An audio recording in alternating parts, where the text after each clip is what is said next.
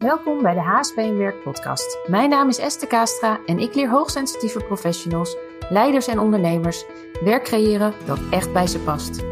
In deze podcast inspireer ik je graag over alles wat met hoogsensitiviteit en werk te maken heeft.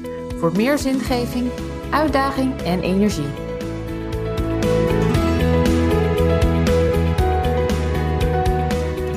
Welkom bij de eerste HSP Werk podcast. Superleuk dat je luistert.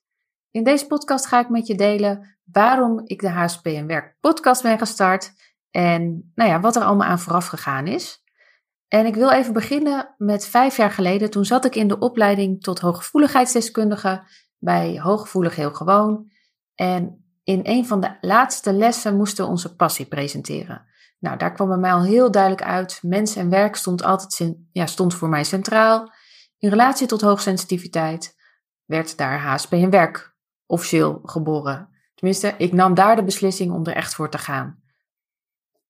En ik weet nog dat een van de deelnemers, Ali heet ze, tegen mij zei op het laatst, want we mochten elkaar allemaal iets toewensen. En zij wenste mij een stem toe. En op dat moment dacht ik, huh, maar hoe dan? En wat dan? Want ik stond nog maar aan het begin van, nou ja, mijn missie eigenlijk. En nou ja, dat heeft ongeveer vijf jaar geduurd totdat het op zijn plek viel toen moest ik ineens weer aan Ali denken met het starten van deze podcast. Van ja, dit is het waarmee ik mijn uh, stem kan laten horen. En mijn stem laten horen staat natuurlijk heel erg voor het feit dat ik hoogsensitiviteit in Nederland um, ja, eigenlijk ook normaal wil maken. Uh, als onderdeel van je persoonlijke ontwikkeling wil zien. Als 20% van de, van, de, van de bevolking hoogsensitief is, dan is het gewoon serieus belangrijk dat daar in alle opzichten, in, tot persoonlijke ontwikkeling, en voor mij uh, komt daar al heel snel ook werk bij kijken, dat er bij stilgestaan wordt. Het kan gewoon niet genegeerd worden. Dus daarmee wil ik, uh, door middel van deze podcast, wil ik nog meer mijn stem laten horen voor iedereen die hoogsensitief is. Dus dat is eigenlijk mijn grote drive achter uh, deze podcast. En ik hoop je heel veel nou ja, informatie te geven, inspiratie te geven. Als je een vraag hebt, mail me gerust. Als je een idee hebt voor de podcast, mail me gerust. Superleuk als je dat doet. Ook als je een tip hebt, dat kan je natuurlijk ook altijd naar me sturen. Nou, hoe ben ik hier nou gekomen? Uh, vijf jaar geleden ben ik uh, eh, HSP in werk gestart. En in de afgelopen vijf jaar heb ik heel veel geleerd over hoogsensitiviteit, werk, loopbaan, uh, ondernemen, leiderschap, alles wat met HSP en werk te maken heeft. Ja, daar uh, word ik heel blij van en daar inspireer ik anderen graag mee. En om je wat meer, ja, om, om je de kans te bieden om mij wat beter te leren kennen, vertel ik graag wat meer over mezelf. Ik ben uh, Esther Kastra, ben 7, nee, 36. 12 december word ik 37. En ik woon samen met Maarten en Liz en Maud, onze tweeling van 7 op dit moment in Harderwijk. En ja, daar werk ik uh, thuis, heb ik een kantoor aan huis en ik werk veel online. Ik begeleid uh, mijn uh, klanten veel online. Het gaat supergoed, omdat het als HSP heel prettig is om je alleen te kunnen focussen op beeld en geluid. En energie te besparen door geen reistijd te hebben. Ik heb een eigen paard, superleuk. Dat ga ik zo drie, vier keer in de week naartoe. Dat is voor mij een hele fijne manier om te ontspannen. Het paard zal je dan ook regelmatig terug zien komen in mijn uh, nou ja, online of in mijn nieuwsbrief. Want het paard spiegelt mij en daar leer ik weer een heleboel van. En ik zet ook paardencoaching in in mijn begeleiding. Maar hoe ben ik nou gekomen tot het starten van HSP en werk? Nou, ik begin even bij het begin. Ik ben opgegroeid in Harderwijk samen met mijn zusje Ilse, die is anderhalf jaar jonger. En daar zaten wij op de basisschool. Nou, hele fijne tijd. Nou, na de basisschool, uh, toen ben ik naar het uh, ja, Nassau Veluwe gegaan, een college in uh, Harderwijk. En daar begon ik in de brugklas, HAVO-VWO. En nou ja, in die brugklas was het al helemaal nieuw natuurlijk. Na zo'n veilige basisschoolperiode kom je als nou ja, brugklasser op de hogeschool. En voor het eerst in mijn leven werd ik ook gepest daar. Dus dat was eigenlijk een hele nare ervaring. En dat maakte mij best wel onzeker. Um, nou, op school ging het eigenlijk heel goed. En toen ben ik naar 2 VWO gegaan. Nou, was ook op, ja, dat was ook een fijn jaar, maar op het eind werden mijn cijfers al wat slechter. Omdat ik eigenlijk nooit geleerd heb om te leren, weet ik nu. En uh, één methode aan tenminste één methode gebruikte. Nou ja, en het werd steeds meer, dus op een gegeven moment werkte dat niet meer. En mijn cijfers werden, werden slechter. En in de zomer van 2 VWO naar 3 VWO, toen gebeurde er ook iets heftigs. Want ehm, een meisje uit mijn klas die overleed, die is aangereden met een, uh, ja, door een automobilist. En dat gebeurde dus in de grote vakantie. Dus toen wij allemaal weer op school kwamen of terug van vakantie, toen hoorden wij dat allemaal. Ja, dat heeft echt als een bom ingeslagen. En voor mij persoonlijk heel erg.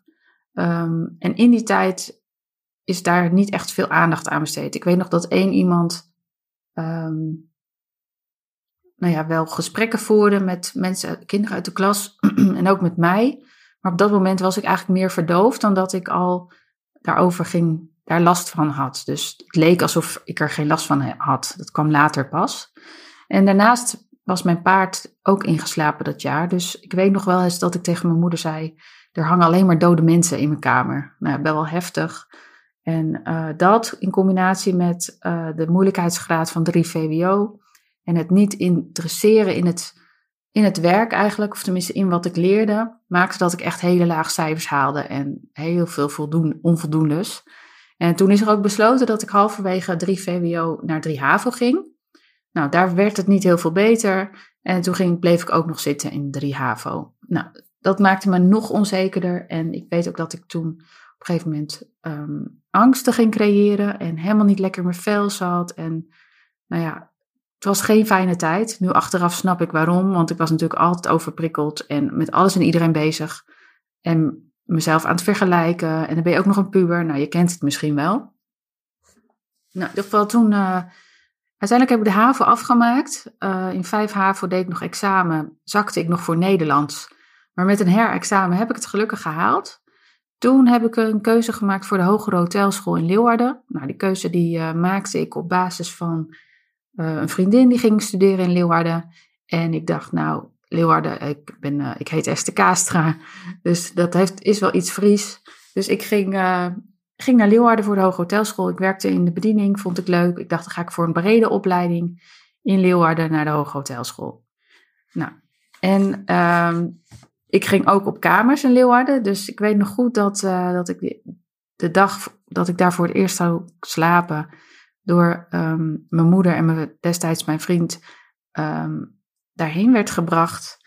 En dat ik echt helemaal alleen achterbleef. Nou, ik heb me eigenlijk nooit prettig gevoeld daar in Leeuwarden. En uh, ja, de hotelschool was prima, maar er was veel in het Engels. En ik kon echt geen Engels praten. Dus ik hield, ja, ik hield gewoon mijn mond. Want zodra ik wel wat zei, dan kreeg ik daar ook nog eens opmerkingen over. Dus dat, ja, dat was niet heel prettig. Um, nou ja, in die periode ging ook nog mijn relatie uit. Dus dat uh, was ook heel heftig. Dat was niet mijn keus. Dus um, ja, daar heb ik wel veel verdriet van gehad. En dat in combinatie met niet zo prettig uh, op die school zitten, ja, maakte dat ik eigenlijk niet lekker in mijn vel zat. Nou ja, op een gegeven moment dacht ik van, uh, ik ga wat leuks voor mezelf doen. Toen ben ik drie maanden, vier maanden, nee, drie maanden in Italië gaan werken. Nou, dat was een hele leuke tijd. Heel zwaar werk, tenten schoonmaken op een camping. En toen dacht ik ook, alles wat ik hierna nog doe is minder erg. En dit, uh, ja, dit doe ik mooi voor mezelf, daar leer ik veel van was een mooie tijd. Daarna kon je in het vierde jaar afstuderen en een combinatie doen door stage te lopen in het buitenland of waar dan ook. Toen koos ik voor Amsterdam. Dat was voor mij toen al het buitenland. Tenminste, ik was naar Italië geweest, maar ik koos voor Amsterdam omdat ik uh, ja, Leeuwarden wel zat was. En Amsterdam, daar zocht ik, uh, nou dat leek me gewoon heel erg leuk. Nou, daar heb ik eigenlijk mijn studie, mijn studententijd opnieuw beleefd. En heel veel plezier gehad, ook op de roeivereniging. En uh, ik had een hele leuke stageplek bij een hotel in Amsterdam. En uiteindelijk ben ik daar ook te komen te werken. Op, als HR-assistent uh, slash managementassistent. En toen kwam ik dus in aanraking met HR. En toen ging echt een wereld voor me open. Ik vond het superleuk, mensen en werk. Ik zag natuurlijk altijd van, oké, daar is aandacht nodig. Of die kan beter daar op die plek. En um, in deze functie kon ik daar ook wat mee. Dus dat vond ik heel fijn. Uiteindelijk is het ook weer naar de andere kant uitgeslagen, want ik zag dus zoveel en dat wou ik iedereen duidelijk maken, maar anderen zagen het helemaal niet. Dat herken je misschien ook wel. Um, dus ja, dat, zorgde er wel eens voor dat, ik, dat ze mij niet begrepen of dat ik dingen uit wilde leggen. En dat ik dan uh, ja, gewoon genegeerd werd of het was niet belangrijk of ik moest niet te veel voelen. Allemaal dat soort dingen. Nou ja, omdat ik het onderwerp HR zo interessant vond, ben ik ook nog een opleiding personeelsmanagement begonnen. En um, nou ja, dat in combinatie met die baan, het was voor mij heel prettig. Maar op een gegeven moment had ik zoiets van, nou, ik wil ook nog wel eens ergens anders kijken. Wat is nog meer leuk uh, op HR-gebied? Ik was inmiddels 2,5 jaar daar ongeveer werkzaam. En uh, eerst een tien maanden stage en daarna uh, in loondienst. En ik had zoiets van, ik wil wel meer zien van, van de wereld, of tenminste van de HR-wereld. Dus had ik aangegeven dat ik nou ja, op zoek ging naar wat anders. Nou, dat is niet zo goed in goede aarde gevallen. Daarna ben ik een soort van genegeerd en heel vervelend behandeld. Op een gegeven moment uh, ja, werd er mij gevraagd of ik nog wel even mijn uh, studiegeldkosten terug wou betalen. Nou, toen zei ik van nou, ik heb nooit een document ondertekend. Nou, waarom had ik dat document niet ondertekend? Dat document was zoek en die lag ergens bij de HR-manager waarvan ik al een keer had aangegeven dat, uh, dat dat daar niet goed liep, dat het rommelig was. Maar dat was natuurlijk niet waar. Dus nou ja, 1 en 1 is 2. Uh, ik werd ter plekke op straat gezet. En nu achteraf denk ik echt, hoe dan? Want ik had met, ja, alles goed voor met iedereen. En um, ik zag wat er gebeurde en ik gaf het aan, maar niemand anders zag het. En uiteindelijk moest ik maar weg of zo. Ja, ik weet ook niet zo goed. Maar um, was best wel heftig. Maar ja, ik ging wel door. Want ik had een hypotheek. Een huis in Amsterdam met een hypotheek. Dus ik moest door om mijn hypotheek te betalen. En ik weet nog dat het in die tijd heel makkelijk was om werk te krijgen. Tenminste, er was heel veel werk. Dus ik uh, had wel de keuze uit drie mogelijkheden. Dus ik ging voor dat werk waar ik, um, nou ja, waar ik in ieder geval mijn hypotheek mee kon betalen. En wat mij het leukste leek. En niet rekening houden met sensitiviteit natuurlijk, want daar had ik nog geen weet van. Ik dacht alleen maar van, nou, ik ben raar en de rest niet of zo. Dus ik zag mezelf alleen als, altijd als anders en begreep nooit waarom ik niet aansloot bij de rest. Of waarom zij dingen niet zagen. Nou, toen ben ik uh, bij een handelshuis in opties en aandelen gaan werken in Amsterdam. Nou, ben, daar ben ik echt als een malle gestart. Echt voor 200% zo van, nou, ik zal hier eens even laten zien dat ik het hartstikke waard ben en het helemaal niet nodig was dat ik, dat ik weggestuurd word. Tenminste, zo ben ik daar ingestapt zonder mezelf nog te beseffen dat het tijd nodig had om um, ja, het verlies van die vorige baan te verwerken. Dus dat in combinatie met um, nou ja, ook nog wel wat liefdesverdriet. Uh, zo ben ik eigenlijk een beetje ongelukkig die baan ingestapt en me, ben ik mezelf gaan bewijzen. Nou, en op een gegeven moment weet ik nog dat ik uh, in Leeuwarden was. Bij, uh, bij diegene die daar kamers woonde, waarmee ik ook samen in Leeuwarden ben gaan wonen. En dat mijn vinger begon te tintelen en dat op een gegeven moment mijn hele hand zeer deed. Uh, toen kon ik mijn hele arm niet meer bewegen. toen ging ik aan het werk, toen moest ik maar met mijn linkerarm gaan werken. Nou, en zo ontstond er bij mij dus RSI. In combinatie met bore-out, burn-out, alles bij elkaar. Nu weet ik dat het een kwalitatieve bore-out is. Dus dat ik vooral repeterend werk deed onder mijn niveau. En vooral te veel ook. Dus um, ja, ik werd echt ziek daar. Nou, toen ben ik thuis, ge thuisgekomen en ook wel weer gereïntegreerd. En na, de na het reïntegreren ben ik op een gegeven moment weer helemaal uitgevallen. En toen, uh, toen moest mijn moeder zelfs opbellen, zo van, nou, ze komt niet meer. Want zelf voelde ik me zo verantwoordelijk dat ik niet kon zeggen dat ik niet meer kwam. Nou, dus toen ben ik daar gestopt. Um, toen ben ik eigenlijk wel veel weer in Harderwijk uh, gebleven. Toen kwam ik mijn huidige vriend tegen, Maarten. En uh, nou, hij, hij zei van, al heb je geen armen, dan vind ik je nog leuk.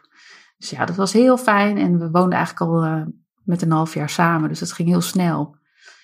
En nou ja, hij leerde mij kennen terwijl ik ziek was. En ik weet nog dat ik gewoon wakker werd uh, en met mijn armen op mijn dekens uit bed stap. En dat ik uit bed stapte en dan wat ging doen. En dat ik dan dacht, oh, het doet nog steeds pijn. Oh shit, weer zo'n dag, weer geen energie. Zo stapte ik elke dag op uit bed en uh, had ik eigenlijk zo'n negatieve spiraal was het waar ik in zat. En op een gegeven moment weet ik nog dat ik wakker werd en op mijn bed ging zitten en dacht: Oké, S, dit is het. Accepteer het. Voel hoe je je voelt en ga hele kleine stapjes vooruit. Want wat is het wat wij doen? Wij willen, ons hoofd gaat zo snel, dus we willen ook dat ons lijf meegaat. Maar ja, zo werkt het niet. We moeten echt vanuit ons lijf, tenminste vanuit ons lijf leven en niet vanuit ons hoofd. Maar we doen het vaak zo andersom. Dus om dat te leren, dat is echt best wel moeilijk. Nou, in die uh, tijd dat ik uh, ziek was en aan het herstellen was, kwam ik er dus ook achter dat ik hoogsensitief ben. Ik heb er een uh, boek over gelezen van Helene Aron en toen dacht ik, nou, dit gaat echt helemaal over mij. En misschien is het ook wel voor jou zo geweest dat je op die manier hebt ontdekt dat je hoogsensitief bent. Nou, ik weet nog dat er één boek was, nee, één website was. En daar had ik dingen over uitgeprint over hoogsensitiviteit. En dat had ik al wel eens eerder gedaan. Voor mij was dat het moment om er bewust mee aan de slag te gaan. En zo denk ik dat het voor iedereen op het juiste moment komt om aan de slag te gaan met je hoogsensitiviteit. Nou, ehm, naast dat ik uh, aan het herstellen was van, van het ziek zijn, was ik ook heel bewust bezig met waar stop ik wel energie in, waar stop ik geen energie in. En zo zijn er helaas ook wat vriendschappen gestopt. Ik ging heel erg kijken van van wie krijg ik wel energie en van wie niet. En ik gaf veel duidelijker aan van dit wil ik wel en dit wil ik niet. En sommige mensen of vrienden, of ja, in hoeverre je dat dan vrienden kan noemen, die konden dat niet waarderen. Dus ja, dat is, is gestopt. Dat was natuurlijk echt wel jammer. Maar uiteindelijk uh, heeft het me eigenlijk heel veel opgeleverd. Nou, en op een gegeven moment dacht ik van, uh, ik heb wel weer zin om te werken. Ik ben na ongeveer dat ik drie kwart jaar thuis ben gebleven.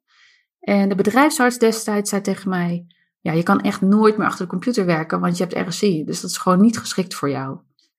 En ik dacht: Oh, maar wat dan? En ik dacht echt dat ik nooit meer aan het werk kon komen.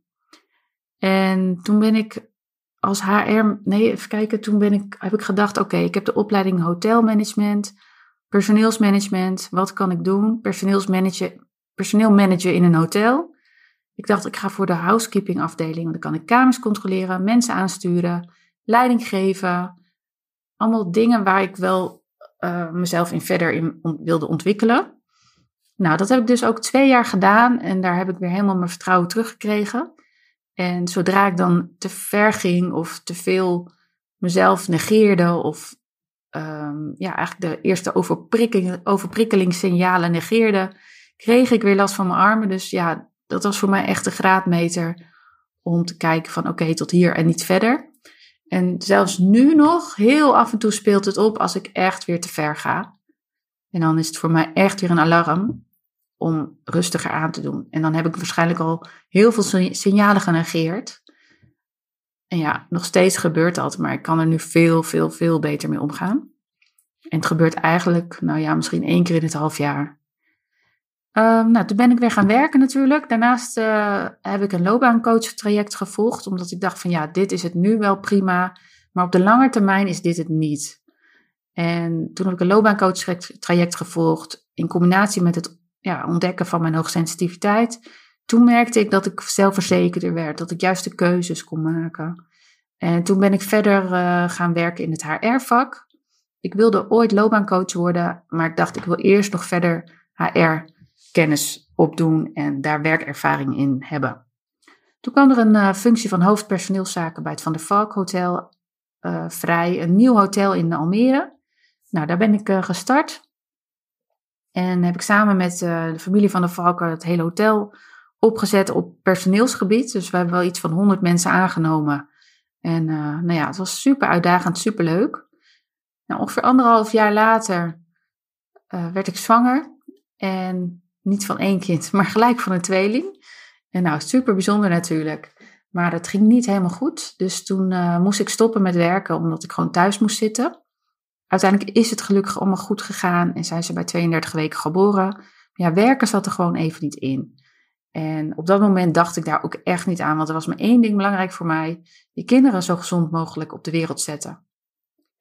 En ik weet nog, uh, op een gegeven moment kwam het weer zover dat ik aan werken kon gaan denken. En toen voelde ik al van, hé, hey, iets klopt er niet. Op afstand. En ik belde de directeur op en ik zei van, moet ik me zorgen maken? Nee, ik hoefde me echt niet zorgen te maken. Maar op de dag dat wij onze kinderen gingen laten zien, was de directeur ineens nergens te bereiken. En die was niet in beeld. Dus toen wist ik helemaal zeker van, hé, hey, dat klopt iets niet. En um, dus toen ik de dag uh, voordat ik weer zou gaan werken daar kwam, of tenminste een week daarvoor, om te bespreken van hoe gaan we het weer oppakken, kreeg ik dus te horen dat mijn contract niet was verlengd. En ik ben toen, ja, het was, heel, uh, het was een grote teleurstelling, maar ik had het dus al aanvoelen komen. En ik vond het ook heel flauw, omdat ik had eigenlijk de receptioniste ingewerkt. En nou ja, dat was dan makkelijker. Die woonde dichtbij. Het was een beetje alsof ze alle mensen, vakvolwassen mensen, dat hotel hadden neer laten zetten. En zodra het hotel stond, dat de jongeren het in mochten nemen. Dus ja, heel vervelend. Ik heb een leuke leerzame tijd gehad. Prima als zij dat zo willen doen. Maar ja, heel jammer. Achteraf helemaal prima natuurlijk, maar anders stond ik nu niet waar ik nu ben. Nou, toen kwam ik dus weer thuis te zitten en toen dacht ik, nou, dit wil ik echt niet. Dus ik ben uh, stage gaan lopen bij een uh, reïntegratiebureau. Ik wilde echt uh, dat loopbaanadviesvak in. Nou, ik kon heel fijn terecht bij bureau Streefkerk naar de wijk. Daar heb ik een stage gelopen en daarna mocht ik daar blijven werken. Nou, heel veel ervaring opgedaan, echt um, kunnen oefenen en superleuk. Daar de kans gekregen. En na een half jaar moest ik helaas alweer vertrekken, omdat ik de laatste was die erbij kwam en er niet voldoende werk was. Maar toen kwam ik een, iemand José tegen van staat van dienst op de wc notabene. En die zei van, joh, we zoeken bij ons nog mensen. En dat was in hetzelfde gebouw. Dus nou, na een paar gesprekken kon ik daar beginnen. Nou, daar ook een hele fijne tijd gehad. Uh, maar op een gegeven moment was bij mij dat stemmetje, dat knaagde aan mij, dat ik wilde gaan ondernemen. Dat, dat was zoiets in mij wat ik altijd al wilde, want op de hotelschool had ik ook een uh, module gevolgd, start je eigen bedrijf. Ergens voelde ik dat ik altijd ondernemer wilde worden, of misschien was ik het al, maar ik kon het nog niet neerzetten. En na 2,5 jaar kon ik het werk niet meer opbrengen, zeg maar, voor, uh, nou in loondienst. Ik, ik, had heel veel vrijheid, maar het, het stemmetje van starten met je eigen bedrijf, met HSP en werk ook vooral, was zo groot. Dus dat Maarten op een gegeven moment tegen me zei: Nou, Es, nu moet je het gaan doen, want ik word eigenlijk een beetje gek van je.